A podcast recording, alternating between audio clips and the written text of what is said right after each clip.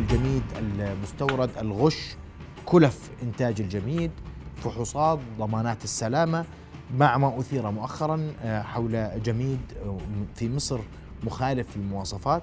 أرحب بضيوف الكرام في هذا المحور الأستاذ محمود العوران اتحاد المزارعين. مساء الخير يا سيدي. مساء النور أهلا سيدي. بك. ورحب بالسيد سائد الطراوني المستثمر في قطاع الجميد المستورد. مساء الخير. مساء النور. أهلا بك يا أستاذ سائد. رؤيا بودكاست. اسمح لي انك أستاذ محمود أبدأ بك يا أستاذ سائد شو القصة؟ ما الذي يحدث في مصر؟ شو قصة الجميد اللي محطوط فيه طلاء معجون غير مصنع بطريقة صحيحة وين بروح؟ هلا الشق الأول شو القصة إحنا سمعناها من وسائل الإعلام في الأردن نقلا عن وسائل إعلام مصرية مم. تم ضبط مصنع في محافظة المنوفية. بيحكوا انه إنه بحطوا طلاء بحطوا مواد مش مش مش مش معروفة شو هي شو المصدر ال- المصنع آه، يعود طبعا آه، لأشخاص طبعا مش أردنيين. مصنع المنوفيه منوفي نعم. مش اردني والنيابة المصرية طلعت بهذا يعني بيان في هذا الموضوع وتم ضبط شخصين والشخص الآخر آه، هرب خارج البلد وتحديدا ممكن يكون لايطاليا لأنه مع جنسية إيطالية يحمل جنسيه ايطاليه هيك المعلومات. هذا المصنع موجود ليس لأردني؟ ليس الأردني لا اللي كان تم اللي تم ضبط اللي فيه نعم. ال- الجميد. الجميد نعم. والخلط اللي كان يتم من الجميد هذا ما لكم علاقه لا لا لا لا لا. أنا بالنسبة لي مصنعي عندي مصنعين مصنع الكرك لمنتجات الألبان في محافظة الشرقية ومصنع مروج الشام في المدينة الصناعية في 6 أكتوبر. كم مصنع أردني في في مصر؟ مصنع جميد ولبن. أردني؟ آه. فقط مصانع نحن الاثنين. يعني ما في مستثمرين أردنيين في قطاع الإنتاج الألبان. بيشتغلوا بس في مصانع آه، أشقاء مصريين. آه. يعني آه، بشراكة مصرية وبتصدروا جميد لوين؟ إحنا بنصدر للأردن. وأجبال- للأردن. وأجبال للسعوديه والسعودية. طيب أستاذ محمود أسمع وجهة نظرك. الاستاذ سائد بيقول لك هذا مصنع موجود في منطقة بعيدة عن الاردنيين اولا وما حدث لا علاقة له جملة وتفصيلا بجميد مستورد أو يصدر للأردن؟ سيدي يعني بداية إحنا نتمنى ونأمل أن لا يكون وصلنا هذا النوع من الجميد. آه، النقطة الثانية سيدي هي الغذاء والدواء. يعني إحنا امبارح كان في لهم آه، تصريح إنه منتجات هذا المصنع لم تصل إلى ال- الأردن. آه، كنا نتمنى على الغذاء والدواء يا سيدي إنها تتابع أمور أو مجريات التحقيق في مصر لأنه هذا الأمر بيعنينا وحتى ال- الفيديوهات اللي تم تداولها بينت إنه هذا جميد ومصطلح جميد آه، ما موجود إلا في المطبخ الأردني. فبالتالي عملية التصدير توقعاتنا تكون آه، هون. فبالتالي يعني الآن نتمنى مرة أخرى من الغذاء والدواء أنها تتابع التحقيقات آه، حتى نشوف هل تم تصدير فعلا عندنا للأردن جانب من هو المستورد لهذا ال- الصنف؟ الشيء الثاني يا سيدي بدنا إحنا المواصفات والمقاييس. المواصفات والمقاييس هل في قاعدة فنية للجميد المستورد؟ في ولا ما في؟ ما في. والدليل على ذلك طبعا إحنا لما نتحدث هيك بدنا حماية للمنتج المحلي الجميد معروف بيجي بمصطلح أهل الجميد مدحبر اللي هو الشكل دائري. ليش ما يكون في شكل معين للجميد المستورد؟ مثلا بيجي بشكل مربع يجي بشكل مستطيل. هذا جانب. الجانب الآخر الجميد اللي عم بيجي لا تاريخ إنتاج لا تاريخ انتهاء لا هي المواد اللي موجودة. من حق المواطن يعرف من هو المستورد مين هو اللي صنعه في آه، مصر. الشيء الثالث بدنا كمان جمعية حماية المستهلك. وين جمعية حماية قديش المستهلك؟ مستورد جميد؟ سيدي آه، لغاية الآن بال 21 آه، تم استيراد آه، ما يقارب 3000 طن أو آسف 1000 طن. إحنا إنتاجنا 300 طن محلي. يا سيدي إحنا إنتاجنا إذا قصدنا بلغة الإنتاج نتحدث فيها بلغتنا بلغة ال- الأرقام. آه، نقول في عندنا 3 ملايين آه، راس ب 40 كيلو معدل الإنتاج آه، سنوي. بحكي على 120 ألف طن من الحليب. خليني أستخدم منهم فقط 60% في عندي 6000 طن. طب أنا ليش أستورد؟ طبعا عندي إنتاج محلي. إحنا بننتج 60 6000 طن محلي. إذا قصدنا معلش سيدي. الآن الأرقام اللي إحنا متداولة عنها هي أرقام غير دقيقة لأنه في عندنا إحنا محلات عم بتصنع الجميد. اليوم ذكر أن ال أن ال أن كل ما يصنع في الجميد محليا 300 طن صحيح؟ سيدي الأرقام موجودة لدى وزارة الزراعة. في عندنا ثلاث ملايين من الأغنام. هذا طبعا بعد ما إحنا نقيم الحيازات الوهمية. ثلاث ملايين بدي أعتبر أنا 40 كيلو فقط إنتاج كل رأس على مدار السنة. اذا في عندي 120 ألف طن من الحليب. بدي أستخدم منهم فقط 60% بدي أقول أنا 40% لاجبان لالبان إلى آخره. إذا أنا بتحدث عندي على 6000 طن. طيب ليش أنا أستورد؟ هو أنت هلا أنت بتقول هذا الإنتاج المث- المثبت اليوم. نعم يا سيدي. قديش المثبت؟ المثبت الآن إحنا يعني الآن إذا بدي أطلع على لغة الأرقام بدي آخذ شو في عندي أرقام من قبل وزارة الزراعة واداره الأحصاءات. أنا المعلومة تقول 300 طن. عندك معلومة أنت؟ تقول 60 ألف طن صح؟ نعم. اللي هو 6000 طن. 6000 طن 60000 طن حليب بحكي 60 ألف طن حليب. تقسيم 10 كم؟ 6000 6000 طن. تمام. هلا إحنا إحنا شو آلية الاستيراد؟ إحنا أول ما, ما بنتجه لوزارة الزراعة. وزارة الزراعة هي اللي هي صاحبة الاختصاص تدرس اللي هو السوق المحلي وهي اللي بتعطينا الأرقام وهي اللي بتعطينا تصاريح الزراعة. تمام. وبتعطينا شروط اللي هي رخصه اللي هو رخصة ال- الاستيراد. تمام. ضمن شروط معينة ضمن شروط معينة. من هاي الشروط مثلا المهندس محمود بيحكي إنه ما في ما في ما في تاريخ إنتاج ما في مكونات ما في هذا كلام كله موجود في تواريخ إنتاج. في يجب أن يكون معامل حراري على درجه حراره 132 في عندنا يجب أن يكون آه، بأكياس فاكيوم يدخل البلد تمام؟ مشفوط مسحوب منه الهواء مش آه، يدخل حلل ممنوع تمام؟ آه، وأن يحفظ وأن طبعا يكون مرافق. أنا بتسمح لي بدي أقاطعك أستاذ سائد وراح أرجع لك لأنه هذا الموضوع مهم لأنه هي فيها في فيها حديث عن الكلف. تمام. وهنا كيف كيف كيف كيف تمام، نقدر تمام، كيف تمام. نقدر نشتغل هذا الموضوع. لكن قبل ذلك أرحب مباشرة بالسيد أحمد الملوفي من مصر وأنت شاهد حي- عيان أخ أحمد ولديك معلومات حول موضوع الجميد. مساء الخير. يا أهلا وسهلا. أسمع منك أستاذ أحمد. والله الجميد آه، عندنا في مصر هنا آه، طبعا الجميد المفروض يبقى لبن ماعز. في آه، الصناعة الأساسية بتاعته. آه، هنا في مصر بيتم تصنيعه من بروتين شرش الجبنة الرومي. آه، بروتين الشرش يعني هو شبيه ببروتين اللبن. لكن ده طبعا تحايل في الصناعة آه، عشان طبعا التكلفة بتبقى بسيطة سعره بسيط في السوق الناس تقدر تبيعه. نعم. ف... آه آه، ف هو مكون من اللبن عادي بس مش بروتين اللبن اللي المفروض أصول الصناعة تكون منه. نعم. آه. وطبعا آه، بيبقى في تفاهمات عشان يخشوا الأردن في طب أي تفاهمات تقصد؟ معلش. يعني بقى بيخش بقى ما أعرفش بيخش إزاي آه، بتحلل إزاي بيدخل إزاي. المواصفات بتاعته هل بروتين الشرش ده نفس مواصفة بروتين ال- لبن الماعز؟ مستحيل طبعا. أنت أنت أنت مطلع أنه يصل الأردن أستاذ أحمد؟ آه طبعا ما كل الناس اللي بتصنع هنا بتودي الأردن. كله بيودي على الأردن؟ كله ودع الأردن وقليل فلسطين. نعم. وهذا المصنع اللي تم ضبطه يعمل بذات الآلية؟ كله بذات الآلية. كل اللي بيطلع من مصر بذات الآلية. نعم. آه، بي- بيدعوا إن هو كركي وإن هو لبن ماعز وإن هو إنما هو غير ذلك. طيب. أشكرك الأستاذ أحمد الملوفي من مصر وأنت مطلع وتعلم ما يدور في المصانع آه، التي آه، تعمل في مصر وتصدر الجميد إلى أستاذ سعد أسمع تعقيبك. بروتين ال- ال- الجبنة وشبيه بروتين اللبن وهذا ما يحدث في المصانع وهذا ما يسمح بالتصدير وهناك تساؤل عن الكلف. أنا بتكلم عن عن عن المصانع اللي هي مصنع أنا وشركائي تمام؟ إحنا بنشتغل حليب جاموس بالإضافة لكمية قليلة من الماعز لعدم توفرها تمام؟ آه هذا حليب- ينطبق كل مصانع مصر عشان نكون متفقين أنا وياك أنا بتكلم يعني. أنا بتكلم عن نفسي. مم. أنا طيب. بتكلم عن نفسي. مم. قصة بروتين الشرش أنا بسمع فيها بس غير موجود عندي والكلف اللي أنت راح راح تقول لي كيف بوفي معك والمهندس محمود راح يقول لي كيف بوفي معك. أنا بشرح لك إياه بعطيك إياه بأرقام. كيف بوفي معي؟ قديش بتبيع الكيلو؟ الكيلو جملة من ثلاثة ل 4 دنانير. كيف بتوفي معك؟ قول لي. طيب.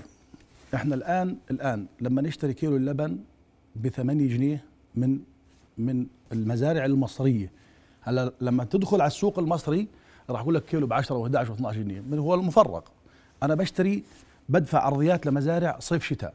بشيل بشيل بشيل آه، لبنه أو حليبه. عندنا إحنا هم بيقولوا في مصر عليه حليب لبن. بشتري حليبه صيف شتاء تمام؟ لما ناخذه ب 8 جنيه تمام؟ في عندك اللي هو نسبة الدسم اللي هي الزبدة في الجاموس عالية وأعلى من بجوز بيدنا فيها أعلى من حليب الأغنام عندنا إحنا وأعلى من حليب الماعز. بروح نص الكلفة زبدة يعني عفوا نص القيمة زبدة. بضل عندي أنا اللي هو الحليب الفرز المفروز بضل عندي من ثلاثة تقريبا ثلاثة ثلاثة ونص ومرات في الموسم بنزل أقل سعر الكيلو ثلاثة جنيه يعني ما يقارب تقريبا آه، 10 قروش 12 قرش أردني تمام؟ هلأ كل ثمانية كل ثمانية كيلو تمام؟ آه بطلع عندي كيلو الح... كيلو كمادة خام حليب جميد من دينار لدينار وربع. هاي الكلفة عليك؟ هذه كلفة فقط ثمن الحليب. مم. ثمن الحليب اللي هو المفروز الفرزة. طيب. تمام؟ يجيك آه، بيجيني كلف. كيس فاكيوم. مم. تمام؟ وأجور عمال. مم. تمام؟ و- وكلف تشغيلية كهرباء وما كهرباء. تمام؟ ضيف تقريبا يعني تقريبا آه، سبعة جنيه على هذا على هذا الموضوع نص دينار. هاي أصبحنا في دينار و75 قرش تمام؟ بيلحقوا ضريبة وجمرك تقريبا من 30 ل 35 حسب اللي هو التخمين الجمركي بوصل عليه نيرتين ويعني من نيرتين لنيرتين ونص نيرتين و70 قرش. بتبيعوه بثلاث دنانير ثلاث دنانير ثلاث دنانير ونص نعم. جملة. طيب. أستاذ محمود. سيدي يعني الكل الكل يتحدث إنه هذا هذه الارقام لا يمكن تكون مقبولة. سيدي يعني مع تقديري لأخوي السائد حليب الجاموس سعره بمصر 12 جنيه للكيلو بما يعادل 60 قرش. كامل في دسمه. نعم. هلأ الآن 60 قرش أنا بدي أطلع منهم ل 12 آه، ما أنا قلت لك 12 جنيه في السوق الخارجي. قبل شوي 6 جنيهات بتاخذوا إنه في بصيف السوق الخارجي بتسوي 8 تعاقد. 8 جنيه. أنا أتكلم أها. 8 جنيه. أها. في السوق الخارجي بتاخذه في 12 جنيه. يعني أنت روح اشتري الآن روح اشتري جميد من مول. تمام؟ وروح على وادي الرمم. بتلاقي جميد من المول نفس وادي الرمم وهو ممكن جميل يكون نفس جميل, نفس جميل, جميل. يعني أنا بحكي على 60 قرش كلفة ال- الكيلو بغض النظر الآن مع زبدي أو ما زبدي لا أنا بدي- بغض النظر. سيدي ما هو في نقطة. الآن أنت بت... أنت بتتكلم عن مادة الجميد. مادة الجميد أنت بدك تشيل بدك بد- بدك بدك تشيل الزبدة. بتظل عليه تقريبا خلينا نقول يعني. برقم 15 18 قرش. جميل. هلا 8 أنا- كيلو. الان أنا بدي أتحدث على نسبة 10% يعني كيلو الجميد بكلفني 6 دنانير. أنا حسبت لك إياها هلا؟ قلت لك إياها كيف بحسب يعني بدي أحسبها أنا وياك الآن مرة ثانية. 12 جنيه بما يعادل 60 قرش. هلا بسرعة الجميد. 12 جنيه أنت حر. أنت بدي أعتبر- أنا ما أنا هاي سيبوها هذا 8 جنيه يا سيدي سيبوها 8 على جنيه. 8 جنيه. 8 جنيه. شيل منه زبدة 4 جنيه بضل معك بلا مؤاخذة من 3 ونص ل 4 جنيه. وقلت لك أنا أنا والله على ما أقول شهيد إني ماخذه في مناطق يعني في جمهورية مصر العربية تمام؟ الآن عندك سؤال عندك الآن عمان زي ما أروح أنا أجيب حليب من الجفر ومن الطريق الصحراوي ومن ومن ومن ومن. مرات طلع عندنا بلا مؤاخذه الآن بوصل دينارين 3 كيلو. عندنا في الأردن هون هون. جميدك انت البلدي. حال- حالات استثنائية. لا مش حالات استثنائية على طول على طول الموسم. أخي سائد يعني المزارع هون هو نفس المزارع في مصر. يعني أي مزارع بهمه إنه آه، آخر شيء بالمحصله النهائيه إنه إنتاجه ياخذ آه، ربح حتى يكون في استمرارية وفي ديمومة. فبالتالي إحنا لما حسبنا 12 جنيه والأخ محمد بيقول لك 8 جنيه بدنا نحسبها على 8 جنيه بما يعادل تقريبا نصف دينار إلى الكيلو أنا بدي الكيلو معناته صار يكلفني أنا حليب خمس دنانير. بدي أعتبر إنه النسبة 10% فأنت لما تبيعه بليرتين الكيلو أو ليرتين ونص أو ثلاثة طبعا هذا شأنك أنت حر فيه. ماشي الحال؟ لكن أنا لما بكون كلفته علي حليب فقط بدون أي نوع من أنواع الصناعات وبدون أي نوع من أنواع الأديتيفز اللي بدي أسميها أي إضافات كلفته علي خمس دنانير. طب أنت انت؟ أنت حسبت الخمس دنانير. أنا بقول لك كلفته علي كلفته أنا بشتري الحليب مفروز بقول لك يعني يعني يعني أقسم بالله أنا قاعد بأخذ الحليب المفروز من مناطق في صعيد مصر ب 3 جنيه الكيلو ب 2 جنيه والسنة الماضية ما اخذ ب 2 إلا ربع. حليب المفروز اللي هو الحليب اللي هو اللي هو من غير دسم اللي إحنا شغالين فيه جميد في الأردن هون برضه كمان إحنا بنشتغل بنشتغل الرايب عندنا في أها. في دسمه. ما إحنا شغالين فيه. أنا أجرة العامل عندي في مصر لما تكون أجرة العامل هون في الأردن لما تتكلم عنها أنت بتضيف كلها كلفه العامل عندي من 1000 جنيه من 1500 جنيه البنت عندي ل 2000 جنيه. 50 60 أنا, دينار. أنا ما دخلت الآن في عمالي ولا دخلت في أي نوع من أنواع التصنيع أنا فقط بس بسأل أو الأرقام اللي موجودة عندنا. إحنا سعر كيلو الجاموس بمصر 12 آه، جنيه. بدنا نخليها آه، 8 جنيه بما يعادل نص دينار. بدي آخذ أنا الإنتاج 10% معناته الكيلو عم بيعطي كلفته علي أنا 5 دنانير. أنت الآن لما بتبيعه 3 دنانير. برجع بكرر هذا شأنك.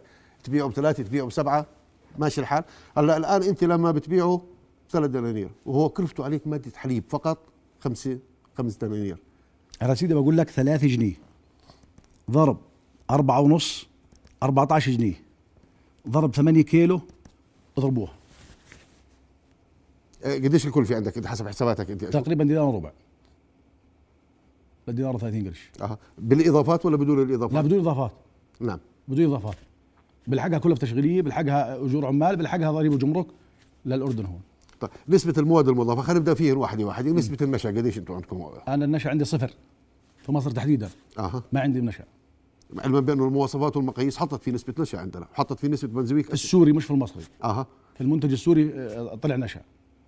أنا آه، المنتج المصري إذا في عندي فحص واحد من فحوصات الغذاء والدواء طلع في واحد في المية وأنا بحكي قدام قدام قدام الجهات المختصة كلها واحد في المية نشأ أصلا ما بسمح بدخوله ما عندي نشا سيدي هلأ الآن نرجع ل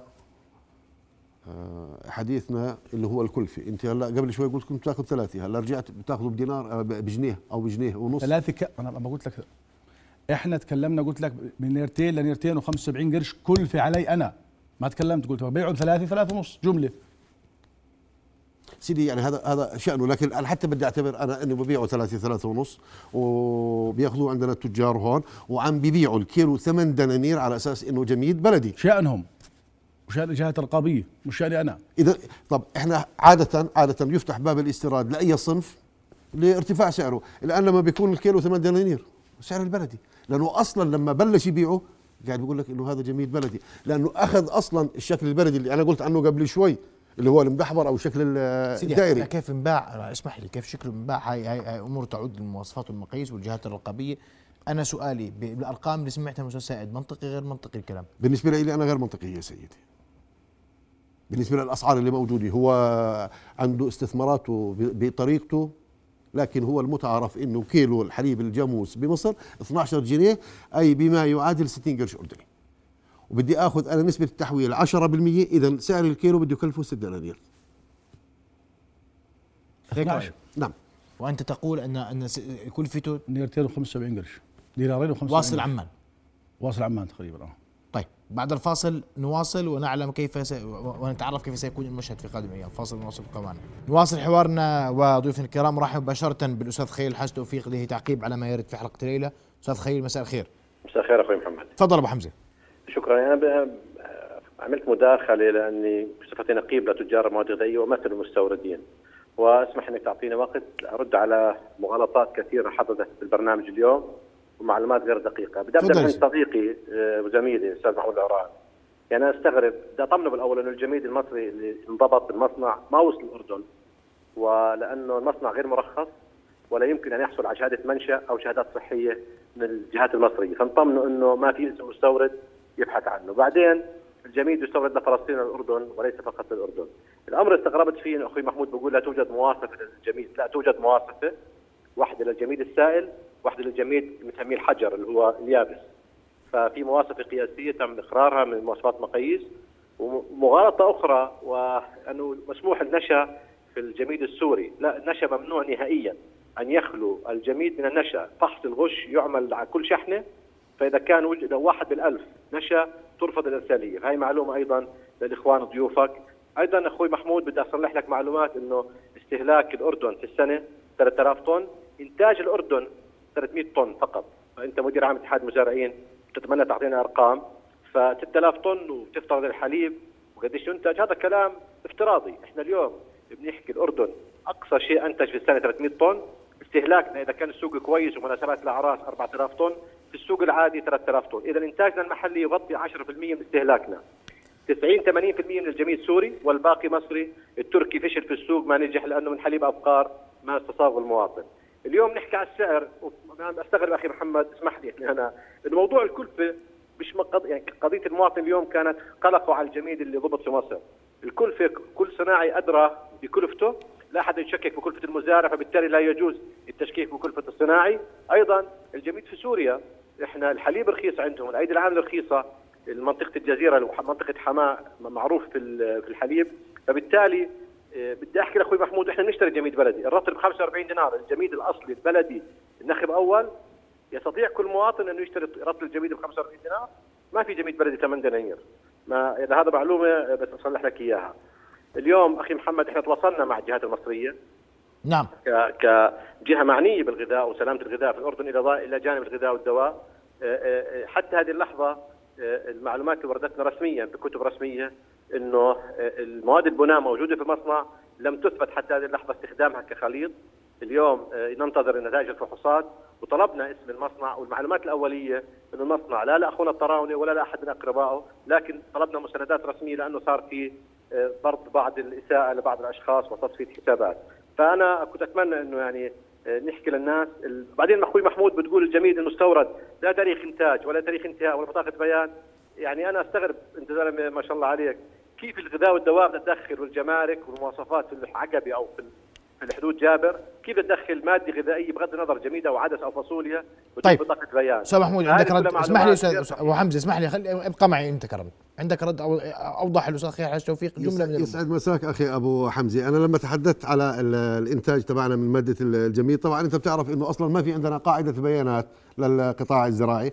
اعتمدت أنا على عدد الثروة الحيوانية واعتمدت على رقم متدني اللي هو إنتاج 40 آه، آه، كيلو. فبالتالي لما حسبناها طلع في عندنا 6000 طن. يعني إحنا بتعرف مادة الجميد بالذات هناك مشاريع مشاريع أسرية بتشتغل على الحكي هذا آه، في جمعيات مؤسسة الأقراض الزراعي أعطت قروض لبعض الفتيات حتى يكون في عندنا تصنيع للجميد هذا مؤشر بأنه في عندنا جميد. تحدثت أنا سيدي على موضوع المواصفات والمقاييس آه، وكنت بتحدث أنا والسيد آه، سائد بأنه المواصفات والمقاييس أعطتنا نسبة آه، نشأ معين وأعطتنا نسبة بانزويك معين وأعطتنا رطوبه وأعطتنا نسبة رطوبه وأعطتنا نسبة حشرات. فبالتالي هذه اللي تحدثت فيه أنا من خصوص المواصفات والمقاييس.